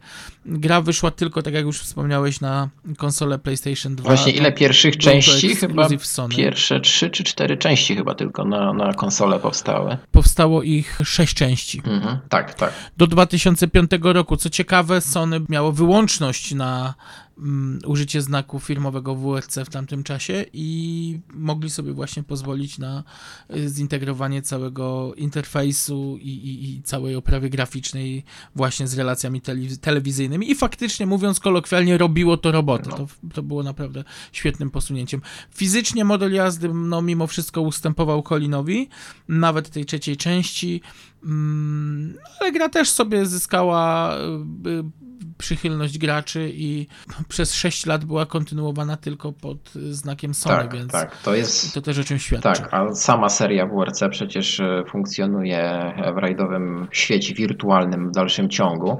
Od 2010 pojawiły się e, pierwsze wydania na e, komputery typu PC i no, mamy do czynienia z tą grą po dziś dzień. Ostatnia jej edycja chyba pojawiła się w zeszłym roku. Tak, w 2021 e, WRC 10. No, ona ma, ta gra, bardzo dużego konkurenta oczywiście w postaci serii e, Dirt, która, który wyewoluował e, z Kolina. Też zaraz o tym powiemy. I tutaj oczywiście są dwa obozy graczy. Jedni uważają, że to Dirt jest lepszy, inni są wierni serii WRC. Ale to są już takie no właśnie. Czasy nowożytne może. W tym pierwszym okresie rozwoju gier wideo mieliśmy do czynienia z tymi produkcjami od Magnetic Fields, y, opartymi na y, brytyjskich mistrzostwach. E, później dołączył do tego Infogrames z Virelli i jednocześnie Codemasters z serią Colin McRae. No, od 2001 roku wchodzi WRC, z tym, że y, już nie mamy na firmamencie rajdowych, growych gwiazd produkcji od Magnetic Fields. Y, troszkę mm, no, traci popularność Virelli i bodaj w 2003 roku mamy do czynienia z ostatnią produkcją Virelli 4. Gra już niestety nie, nie, nie jest w stanie zadowolić graczy, natomiast no, rośnie w siłę mm, WRC, seria WRC i Colin McRae. I co jest tutaj takie dość znamienne, to kwestia mm, tego, że po Kolinie trzecim twórcy no, wzięli sobie do serca uwagi graczy. Czwarta ewolucja tego tytułu wniosła dużo świeżości. Przede wszystkim, co mnie się strasznie podobało, to to, że mm, gra nadążała nad karierą Kolina, to znaczy tak jak pierwsza część y, tym podstawowym samochodem było Subaru Impreza WRC, bo Colin był związany z ProDrive'em, później był to Ford, to tak w przypadku Colina e, czwartej części już mieliśmy podstawowym samochodem Citroena. Zmienił się również podstawowy pilot. Owszem, Nicky Grist był dostępny e, cały czas do wyboru w menu, ale podstawowym pilotem był Derek Ringer, który powrócił na prawy fotel Colina w tamtym czasie. E, o stopniu zaawansowania czwartej części Kolina niech świadczy to, że e, to taka ciekawostka, model graficzny mm, w przypadku Kolina pierwszego e, składał się z 600 poligonów, Tutaj już mieliśmy do czynienia z 20 tysiącami poligonów, więc ten samochód już miał wymodelowane elementy wnętrza, elementy podwozia, więc już, już faktycznie ten postęp graficzny i tu mówimy o kwestii 3-4 mm, lat, więc no, postęp, postęp był widoczny właśnie, te moce obliczeniowe i konsol i, i, i komputerów e, były coraz większe. No ja nie spędzałem zbyt dużo czasu ani przy Kolinie e, czwórce, ani przy późniejszej wersji wersji 2005, e, która zamknęła e, serię Colin McRae. No, zamknęła, bo i Colin zakończył karierę, no więc tak. jeśli chodzi o rajdy samochodowe. Tak, więc to też jest istotne. To też było takie fajnie widoczne właśnie, że w Kolinie 2005 już mieliśmy mm, Nissana Navarre Dakarowego, więc już, już widać było, że ta seria będzie skręcać gdzieś w kierunku e, samochodów terenowych, tak jak i no, kariera samego Colina. No i właśnie cała seria skręciła w kierunku serii Dirt. W 2007 roku tak, tak pojawił się pierwszy Colin McRae Dirt, Tak, i tam rzeczywiście mamy do czynienia już bardziej e, z rajdami off-road e, i taką e, zabawą już bardziej chyba zręcznościową. E, chociaż wiadomo, no, w 2007 roku już te gry graficznie e, prezentowały bardzo wysoki poziom, mm, chociaż ciężko je porównać oczywiście z tymi współczesnymi. E, ale rzeczywiście seria Dirt mm, trzyma się całkiem dobrze, bo jest do dziś też na rynku i tak jak już wspomniałem, rywalizuje mocno z serią WRC. E, tutaj nie będziemy się zagłębiać oczywiście, która gra jest lepsza. E, nie mamy nawet takich prywatnych chyba w tej chwili doświadczeń. Ja mam. No, to jeżeli masz, to, to, to sam jesteś w stanie powiedzieć. E, Przyznam szczerze, że mam, bo, bo miałem przyjemność ograć, znaczy w Delta, no zdarza mi się troszkę pograć, natomiast miałem ostatnio przyjemność ograć dziesiątą część WRC. No i niestety myślałem, że będę zachwycony ideą startu w rajdzie Sanremo z lat 80. Y, I, i cofnięcia się w czasie, no natomiast y, no, i graficznie jest słabiej i model jazdy no, jest y, drastycznie różny w stosunku do tego, co Codemasters prezentuje. Ta gra może się komuś podobać. Oczywiście bardzo fajną rzeczą jest możliwość wzięcia udziału w imprezach, które się no, nie odbyły. Mówimy tu na przykład o rajdzie Japonii, więc takie rzeczy, takie rzeczy mają, mają miejsce. Y, ja trzymam kciuki za Codemasters, bowiem y, licencje, obecne studio, które przygotowuje serię WEC, czyli Kiloton, ma licencję wykupioną do końca tego roku, do 2022. I od 2023 roku serią WEC zajmie się Codemasters i mam nadzieję, że wreszcie będzie to coś y, naprawdę godnego nazwy WEC. Okay. No, o samej kwestii Delta chcę jeszcze tylko wspomnieć o bardzo ładnym akcencie, który naprawdę mi się spodobał w ubiegłym, dwa lata temu, przepraszam. To była kwestia uhonorowania zdobycia tytułu Mistrza Świata przez Colina McRae. Dodatek, który no, do gry Dirt 2 był takim ukłonem w stronę Kolina, żebyśmy pamiętali o tych właśnie korzeniach tej serii. No i prześledzić kluczowe momenty kariery Kolina też naprawdę było miło. To chyba Bardzo mnie, fajna rzecz. Chyba mnie namówiłeś e, jednak. Brawa dla twórców. Te. No i tak, i w zasadzie w tym e, miejscu moglibyśmy zakończyć e, nasze wspomnienia. Gdyby nie, gdyby nie kolejny kierowca. Gdyby nie kolejni kierowcy nawet. Ale skupimy się, tak. skupimy się tutaj na jednej grze tak naprawdę, która poczyniła z założenia ogromną rewolucję i to chyba im się udało w 100%. Tutaj mówimy o grze e, Richard Burns Rally, która zadebiutowała w 2004 roku, czyli znowu trochę cofniemy się w czasie.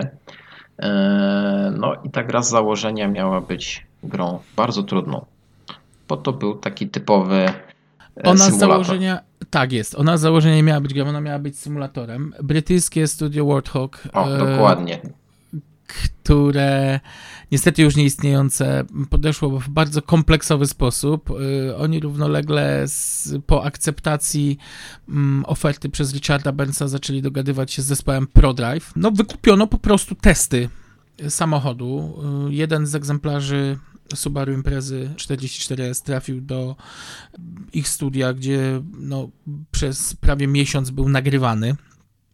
Chodzi tutaj o nagranie e, wszystkich dźwięków. Wstawiono do komory bezechowej e, normalną hamownię. Ten samochód był katowany na tej hamowni przez kilka dni. Był pomierzony, poważony. Oprócz tego na jednym z obiektów testowych firmy ProDrive y, zrobiono ponad 1200 mil testowo obłożonym samochodem w akcelerometry, czujniki wychylenia nadwozia, czujniki położenia mm, amortyzatorów, tak żeby wiedzieć jak ten samochód przyspiesza, jak hamuje, jak się wygina, kiedy traci przyczepność. I tak naprawdę zmapowano po raz pierwszy w historii tak dokładnie auto. Na ile to zostało później uproszczone już w samym kodzie gry, tego niestety nie wiemy. Smutne jest to, że firma podpisując kontrakt z Richardem Burnsem planowała serię gier, tak jak to miało miejsce w przypadku Colina McRae. Oni już byli mm, nastawieni na sukces. No niestety los zadrwił troszkę. No i pozostała nam bardzo fajna gra, która do dzisiejszego dnia jest żywa. Tak, bo ona się ciągle rozwija. Przecież te wszystkie wirtualne mistrzostwa i rozgrywki w dalszym ciągu e, oparte są o Richarda Burnsa. Gra, która bazowo e, no, nie powalała na kolana tak naprawdę ani grafiką, ani możliwością wyboru tras i samochodów. E, Mało tego, była... dostała bardzo niskie oceny. Tak, bardzo niskie, ale myślę, że to takie było założenie producentów tej gry, także to właśnie tak jak powiedziałeś, to nie jest gra tak naprawdę, to jest symulator. Tak, tak. Tam też jest zastosowana szkoła jazdy, e, gdzie musimy no, nauczyć się jeździć e, od razu bardzo szybkim samochodem, bo samochody kręcą się wokół kategorii WRC i praktycznie mamy tam do czynienia tylko z samochodami WRC, oprócz tego bazowego chyba MG przednionapędowego, który jest takim jedynym słabszym samochodem. No ale właśnie, no ta gra jest na tyle rozwojowa, że przecież mamy teraz tyle dodatkowych tras, tyle dodatkowych samochodów, że w dalszym ciągu możemy śmiało mówić, że to jest poligon doświadczalny dla młodych kierowców rajdowych, a także dla starych wyjadaczy, którzy chętnie siadają e, za kierownicami e, wirtualnych gier. No i gdzieś tam trenują. Myślę, że nawet sam e, Robert Kubica korzysta chętnie z tego typu treningu. 5 prawy, 4 prawy, przez szczyt 150. 4 lewy, długi, jeden lewy mostek. Tak, to jest prawda, że do dzisiejszego dnia ta gra nie powala grafiką, natomiast y, tak jak powiedziałeś, właśnie jej fizyka przyciąga prawdziwych kierowców, ludzi, którzy chcą się zmierzyć z 300-konnym potworem e, na szutrowej drodze. Ja mam wspaniałe wspomnienie gdy pierwszy raz zasiadłem do takiego no, prawdziwego symulatora e, z siłownikami, mm, z poduszkami, e, które imitują przeciążenia e, i właśnie głos Phila Millsa z Intercomu, który mówił, żeby zapomnieć o tym wszystkim, co dotychczas przeżywało się w przypadku gier wideo i i pamiętać o tym, że ten pedał gazu, on nie ma być wciśnięty cały czas w podłogę, że on ma mieć pewien balans i, i to było naprawdę niesamowite przeżycie móc, móc się pobawić takim symulatorem właśnie z grą Richard Benz Rally Championship. Wielka szkoda, że mm, zarówno studio już nie istnieje i te dane prawdopodobnie gdzieś zaginęły. Podobno, nie wiem na ile to jest prawda, e, ten kod deweloperski, mm, który który kiedyś y, no, był przechowywany właśnie na dyskach y, firmy, też gdzieś zaginął i tak jak mówię, nie wiem na ile to jest prawda, nie wiem na ile z tego mapowania samochodu w ProDrive udało się przenieść do y, samej gry, natomiast z tego co wiem, to też no, te dane też gdzieś po prostu wyparowały ich, i ich nie ma. No i przypomnijmy też o tym, że e, tam duży wkład e, miał też właśnie sam Richard Burns e, tak. w powstanie tej gry. Tam nie tylko jego nazwisko się pojawiło, ale także pełne zaangażowanie z jego strony. E, no, gra, która przeszła do historii, myślę, że na takim samym poziomie jak Colin McRae, mm, który był no, na pewno bardziej zręcznościowy i zabawowy, e, też z założenia, no, ponieważ no, no, no, nikt jednak jeszcze nie myślał o symulatorze aż tak bardzo realistycznym. E, ale 12 lat po grze Richard Burns Rally E, jeszcze jeden z czołowych kierowców e, poszedł w ślady swoich poprzedników i powstała gra e, no, z najbardziej gorącym. Tak, o której mało kto tak. dzisiaj pamięta, prawda? Tak, Sebastian Lep Rally Evo. Ta gra się nazywała, zadebiutowała w 2016 roku. Tytułowana jest jako realistyczny symulator rajdów samochodowych. E, firmowany nazwiskiem jednego z najbardziej utytułowanych kierowców rajdowych, wielokrotnego mistrza świata Sebastiana Leba. No i ocena zaledwie 6,5 przeciętna. Co się tam stało, że ta gra nie zdobyła takiej popularności? Nie wiem, nie znam się, nie orientuję się. Przyznam szczerze, nawet nie sięgałem po ten tytuł. No, nie znam się, po prostu, po prostu nie będę się wypowiadał, bo nigdy z tą grą nie miałem do czynienia. To jest, ale to jest taka, wiesz, zagadka, ale myślę, że to spowodowane jest e, dużą konkurencyjnością serii WRC i DIRT właśnie, że jednak e, samemu Lebowi ciężko było się przebić przez warstwę no, mocno już przygotowanej konkurencji. Chociaż przecież wydawcą i producentem jest Milestone i, i taka dosyć no, sprawdzona, znana firma w tej branży. Okej, okay, ale czy to przypadkiem nie jest też wina tego, że popatrz, y, wszystkie gry z serii mm, Colin McRae, czy, czy później już y, Richard Burns, to były gry, przy których y, zawodnicy no, aktywnie uczestniczyli w procesie twórczym tej gry. to oni testowali zachowanie samochodów. Tu żadna tajemnica, że, że Colin sam e, wpływał na to, jak ma się prowadzić, czy Focus e, w trzeciej części, czy Xara w czwartej. Mm, I to on mówił, czego chce od, od gry, żeby ten samochód dawał większą frajdę z jazdy, a jednocześnie nie był jakoś bardzo trudny w prowadzeniu. Tak samo było w przypadku Richarda Burnsa. To Burns no, nadzorował pracę nad fizyką tego auta, żeby ta gra była maksymalnie realistyczna. I obawiam się, że w przypadku właśnie Sebastian Lep, Riley Evo, tu gdzieś chyba tego trochę zabrakło.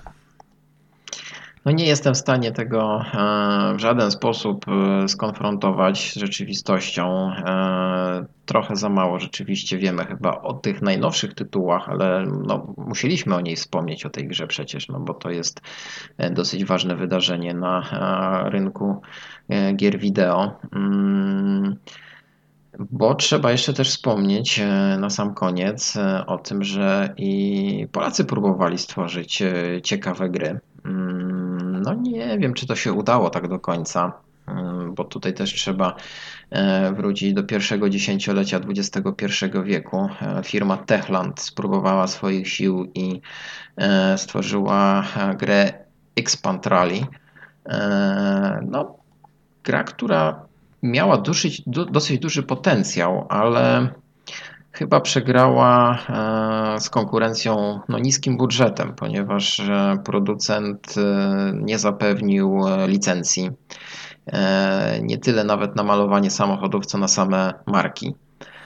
No, Więc ale... jeździmy, jeździmy samochodami, które tylko wizualnie przypominają Mitsubishi czy Subaru.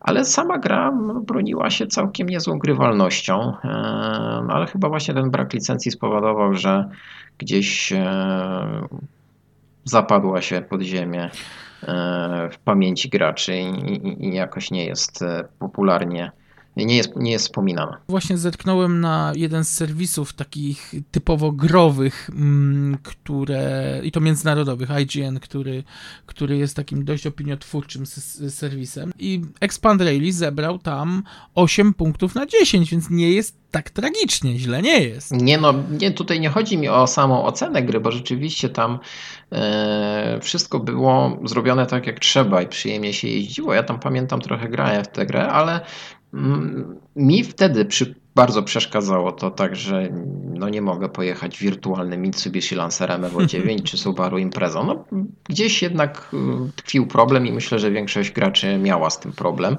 E, dlatego ta gra nie przeszła e, jakoś e, do, do historii. Tam jak dobrze pamiętam, chyba była próba jakiejś kontynuacji nawet tej gry, ale to chyba jeszcze większą klęską się zakończyło. Ja przyznam szczerze, właśnie tak jak powiedziałeś, że chciałeś pojechać prawdziwym samochodem.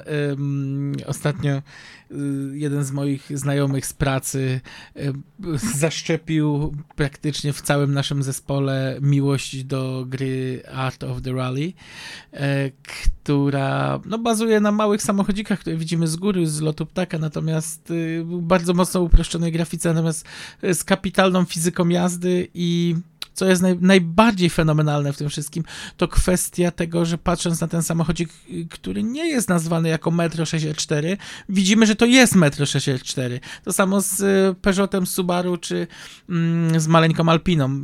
Y, także da się to zrobić tak, żeby jednak uniknąć tych licencji, a, a, a być rozpoznawalnym. No nie wiem, dlaczego tak to tutaj wyszło. No niestety... Y, chyba nie mamy szczęścia do gier rajdowych, bowiem druga gra, którą Polacy zrobili, jeśli chodzi o rajdowe produkty, to rajd polski. Tak. Polska produkcja poruszająca tematykę rajdów samochodowych. Gra korzysta z licencji Polskiego Związku Motorowego, co zaowocowało zgodnymi z rzeczywistością kierowcami i zespołami. No i to jest tyle dobrego, co o tej grze można powiedzieć. No ja patrząc na screeny, to robi wrażenie troszkę tak jakby ten rajd polski miał miejsce po wybuchu termojądrowym. Tam y, nie ma żywej duszy, to tak troszkę pustynne krajobrazy, więc... No ale nie mnie no, Nie wystarczy, nie wystarczy, jak widać, licencja Polskiego Związku Motorowego na to, żeby powstał fajny tytuł. Nie będziemy się zagłębiać w ten temat. Eee, Okej, okay. no to chyba tyle. Eee, Mam nadzieję, że nie odbieraliście tego odcinka e, jako takiego poradnika, w co grać, e, jakie parametry musi spełniać wasz e, sprzęt, żeby zagrać w daną grę, bo to nie było naszym założeniem. Chcieliśmy powspominać, tak jak lubimy, historię właśnie tym razem gier wideo. Padły ciekawe tytuły, ciekawe historyczne gry, które no, zabrały nam kawałek życia, ale też dawały mnóstwo przyjemności, więc na koniec Cię zapytam o Twój top 3 e, Twoich ulubionych gier. Yy, obydwa Dirt Rally to bezapelacyjnie. Mm, no a trzecią, hmm. W tym momencie mogę powiedzieć Art of the Rally, ale, ale to jest tylko dlatego, że to jest taka, no mówię, aktualna fascynacja. Yy, historycznie ja lubię stare gry, lubię, lubię czasem wrócić do starych automatów arcade. E, takie miejsca powstają w tym momencie w Polsce i gorąco zachęcam do odwiedzania ich, żeby, żeby cofnąć się w czasie do tych lat 80. Mm.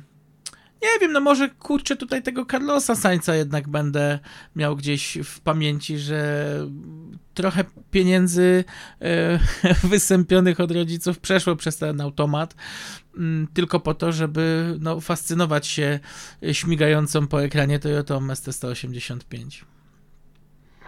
No dobrze, ja tu chyba będę bardziej klasyczny yy, i bardziej historycznie podejdę do tematu.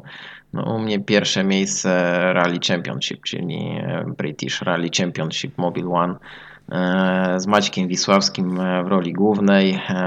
Niezapomniane chwile i, i przyjemność ze zdobycia tytułu mistrza Wielkiej Brytanii. Nostalgicznie wirtualnego. Widzę, tak. E, drugie miejsce też nostalgicznie. E, tutaj przy okazji pozdrawiam mojego kompana, e, kolegę, z którym chyba zepsułem ze dwie kierownice na tej grze, czyli Race of Champions.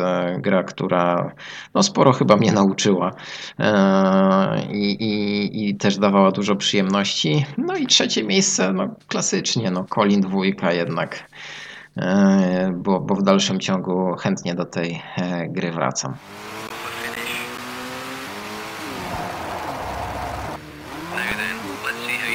Właśnie, a jakie są wasze, drodzy słuchacze, mm, ulubione gry? Piszcie na naszym... Pytamy o to, tak, tak, bo mamy nadzieję, że ta, e, ten odcinek e, będzie dla was i dużą niespodzianką i właśnie też e, rozbudzi wasze wspomnienia że będziecie komentować, wspominać e, razem z nami. Podzielcie się z nami, dokładnie. Koniecznie, podzielcie się z nami swoimi wspomnieniami, swoimi. Może pominęliśmy jakiś tytuł, na pewno pominęliśmy jakiś pewno, tytuł, tak. na którym warto byłoby się zatrzymać e, dłużej, ale myślę, że, że i tak ciekawie opowiadaliśmy i ciekawie historycznie podeszliśmy znowu do tematu. Mm, po w następnym odcinku będziemy dla Was mieli niespodziankę w postaci kolejnego wywiadu.